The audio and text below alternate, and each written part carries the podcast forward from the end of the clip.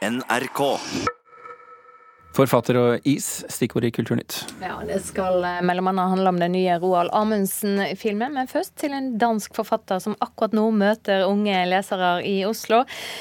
Det er eh, Karsten Jensen som eh, får årets Bjørnsonpris for sitt eh, forfatterskap. Den siste boka hans, 'Mot stjernene', er skriven til dagens unge europeere. Jensen har brukt NRK-serien Skam som research for boka, og denne morgenen er han nettopp på Hartvig Nissen skole i Oslo, der serien ble spilt inn, og der er også du, reporter Øystein Tronsli Drabløs. Hva skjer? Du, Vi står her utenfor høyborgen til alle Julie Andem-fans og går i fotsporene til Nora, Vilde, Sana og alle de andre Skam-karakterene. Her står også du, forfatter Karsten Jensen. Du er en omstridt figur i Danmark og vekker mye debatt. Her i Norge så får du Bjørnsonprisen i mai, og vi kan jo ta det først. Hvordan føles det å komme hit og vinne pris? Det føles helt overveldende og uventet. Nu er der ikke noen Bjørnson-pris i Danmark, men hvis der var, så ville jeg aldri få den. Så takk til Norge. Eh, den siste boka di den heter 'Mot stjernene', og den retter seg mot europeisk ungdom. Eh, hva er det du vil si til dem? Ja, jeg vil ikke liksom holde en tale til dem, men jeg vil prøve å forstå ungdommen i dag. Fordi vi jo alle sammen står over for den nok største utfordring i menneskehetens historie, og det er klimaforandringene. Og de kommer jo på en helt annen måde enn min generasjon og deres foreldres generasjon til å leve midt i dem. Og så har det interesseret meg hvordan har unge det egentlig med politikk å stille de store krav til det samfunn de skal til å overtage en dag. Og til TV-serien eh, Skam har vært en, av, en del av researchen din til eh, denne boka. Hvorfor valgte du akkurat den eh, serien? Det var ikke meg som valgte den, det var min datter, som er 20 år, og som sa far, den her bok den blir ikke noe verd hvis du ikke har sett Skam, for så forstår du ingenting. Og så trakk hun meg hen foran TV-skjermen, og så så vi Skam sammen. Og så forstod jeg at Skam sier meget mange viktige ting om unge i dag. Og jeg ble lige så fascinert som den gigantiske danske fanklub som teller en halv million mennesker. Hva slags innsikt var det Skam ga deg? Dels at, at sånn som de unge her på gymnasiet fremstår, så er de usikre når de er alene, men meget sterkere når de er sammen i en gruppe. Men det er en gruppe som er inkluderende og ikke ekskluderende. Som er meget rummelig og tolerant, og hvor de kan være med deres dilemmaer og konflikter.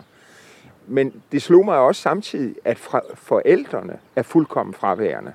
Det er nesten som om de unge er helt alene i verden. Og det er jo en ret skremmende opplevelse når man selv er forældre, Øh, og tenker jamen, har de slett ikke noen rollemodeller, noen der tar dem ved hånden og øh, er med til at finne vei inn i den uoverskuelige verden, som det jo er når man er ung. En av de som har eh, lest boka og skal eh, inn og diskutere denne sammen med Karsten, det er deg, eh, tredjeårselev Ylva Johnsen Stefferud. Hva syns du? Er, er, Skam en rett kilde til å få innsikt i hvordan ungdommen i dag er og tenker? Ja, Karsten har en del gode poeng i boka. Og Skam er jo basert på intervjuer med elever fra skolen, blant annet. Eh, så det er mye riktig i det han skriver, men det er jo også en fiksjonell serie. Og jeg syns ikke den kan fange hele generasjonen vår, men den er sikkert eh, representativ for en del unge i dag. Og boka hans, hva tenker du om den? Som 19-åring så er det eh, ganske vanskelig språk. Så det er veldig Man må lese veldig nøye, gjerne om igjen, for å virkelig skjønne det han skriver. Men det er veldig mye som for klassen vår da, har engasjert oss og kanskje provosert oss. Fordi han prøver eh, ja, rett og slett å skjønne vår generasjon, da. Da ringer det snart inn her på Hartvig Nissen. Eh, så får skoleelevene her sikkert en time litt utenom det vanlige ganske snart. Takk skal du ha, reporter Øystein Tronsli Drabløs. I dag åpner Nordens første snøskulpturfestival. Det skjer på Beitostølen. Kommer du deg til skibakkene der, så kan du oppleve seks store snøskulpturer. Med alt fra svære motorsager til små skeiglignende reiskap laga ei gruppe kinesiske snøkunstnere enorme skulpturer i snø. Helt fra Harbin i Nord-Kina til Beitostølen i Valdres har de åtte kunstnerne tatt turen for å lage det som ifølge arrangørene sjøl blir Nordens første snøskulpturfestival. På toppen av skibakken på Beitostølen står det som blir sjølve krona på verket. Det sier prosjektansvarlig for festivalen, Tone Greni. Ja, Det har vært veldig mange som har lurt på hva det skulle bli, for det har jo stått en kjempestor koloss her. Hva blir det, hva blir det? Nå ser jo alle hva det, hva det blir. Og dette her kommer jo til å synes fra langt nede i bygda. Og vi skal sette lys på det om, om kvelden, så dette, dette blir kongelig. For det er intet mindre enn ei snøutgave av Det norske slott som ruva på toppen av skibakken. Slottsskulpturen er 32 meter lang og 8 meter høy. Slottet, som er den siste av seks skulpturer, ferdigstilles i disse dager.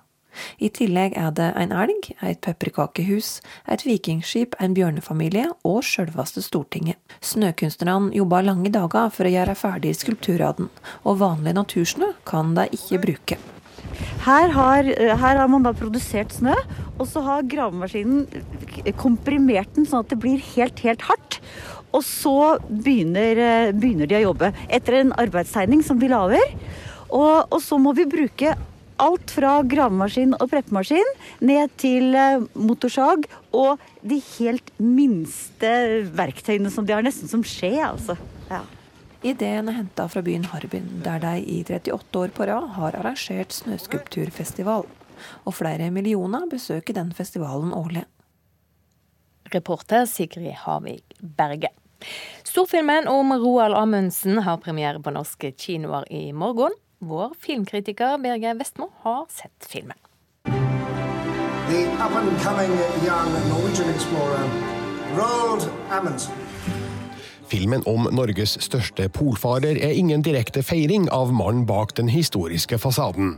Amundsen forsøker å gi et nyansert portrett av en person som kanskje nådde store mål, men som hadde mindre fremgang som menneske.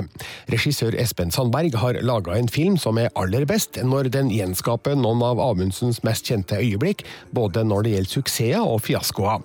Det savnes imidlertid en høyere temperatur i skildringa av viktige relasjoner. Forholdene til både broren Leon, spilt av Christian Rubek, og elskerinnen Kiss, spilt av Ida Ushin Holm, og Bess, spilt av Catherine Waterston, blir formidla for kaldt og stivt til å engasjere. Amundsen er fantastisk flott filma, med et gjennomarbeida visuelt uttrykk, et imponerende effektarbeid og en tidskoloritt som fremstår troverdig. Den er god til å vise hva polfareren gjorde, men ikke fullt så god til å fortelle hvorfor han gjorde det. Britene har jo store planer om å innlemme Antarktis i imperiet. Robert Scott er på vei med 65 mann. Det kan virke som at det eneste han har glemt å tenke på, er oss.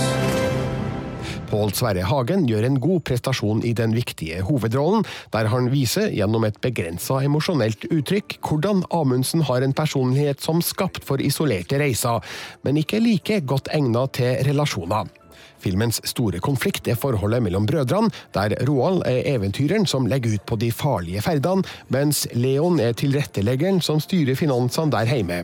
Scenen der det skjærer seg mellom dem, er brå og kort, uten at konfliktnivået har fått bygd seg opp i særlig grad. Et senere forsøk på forsoning får en like begrensa utgang.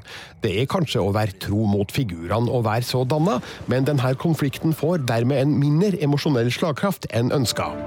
Bare gjør det. Bare gjør det. Det betyr at vi må lyve for alle. Tenk på hva som skjer hvis dette går bra. Det er sjølsagt naturlig å sammenligne Amundsen med Kon-Tiki, der både Espen Sandberg og Pål Sverre Hagen var sentrale aktører.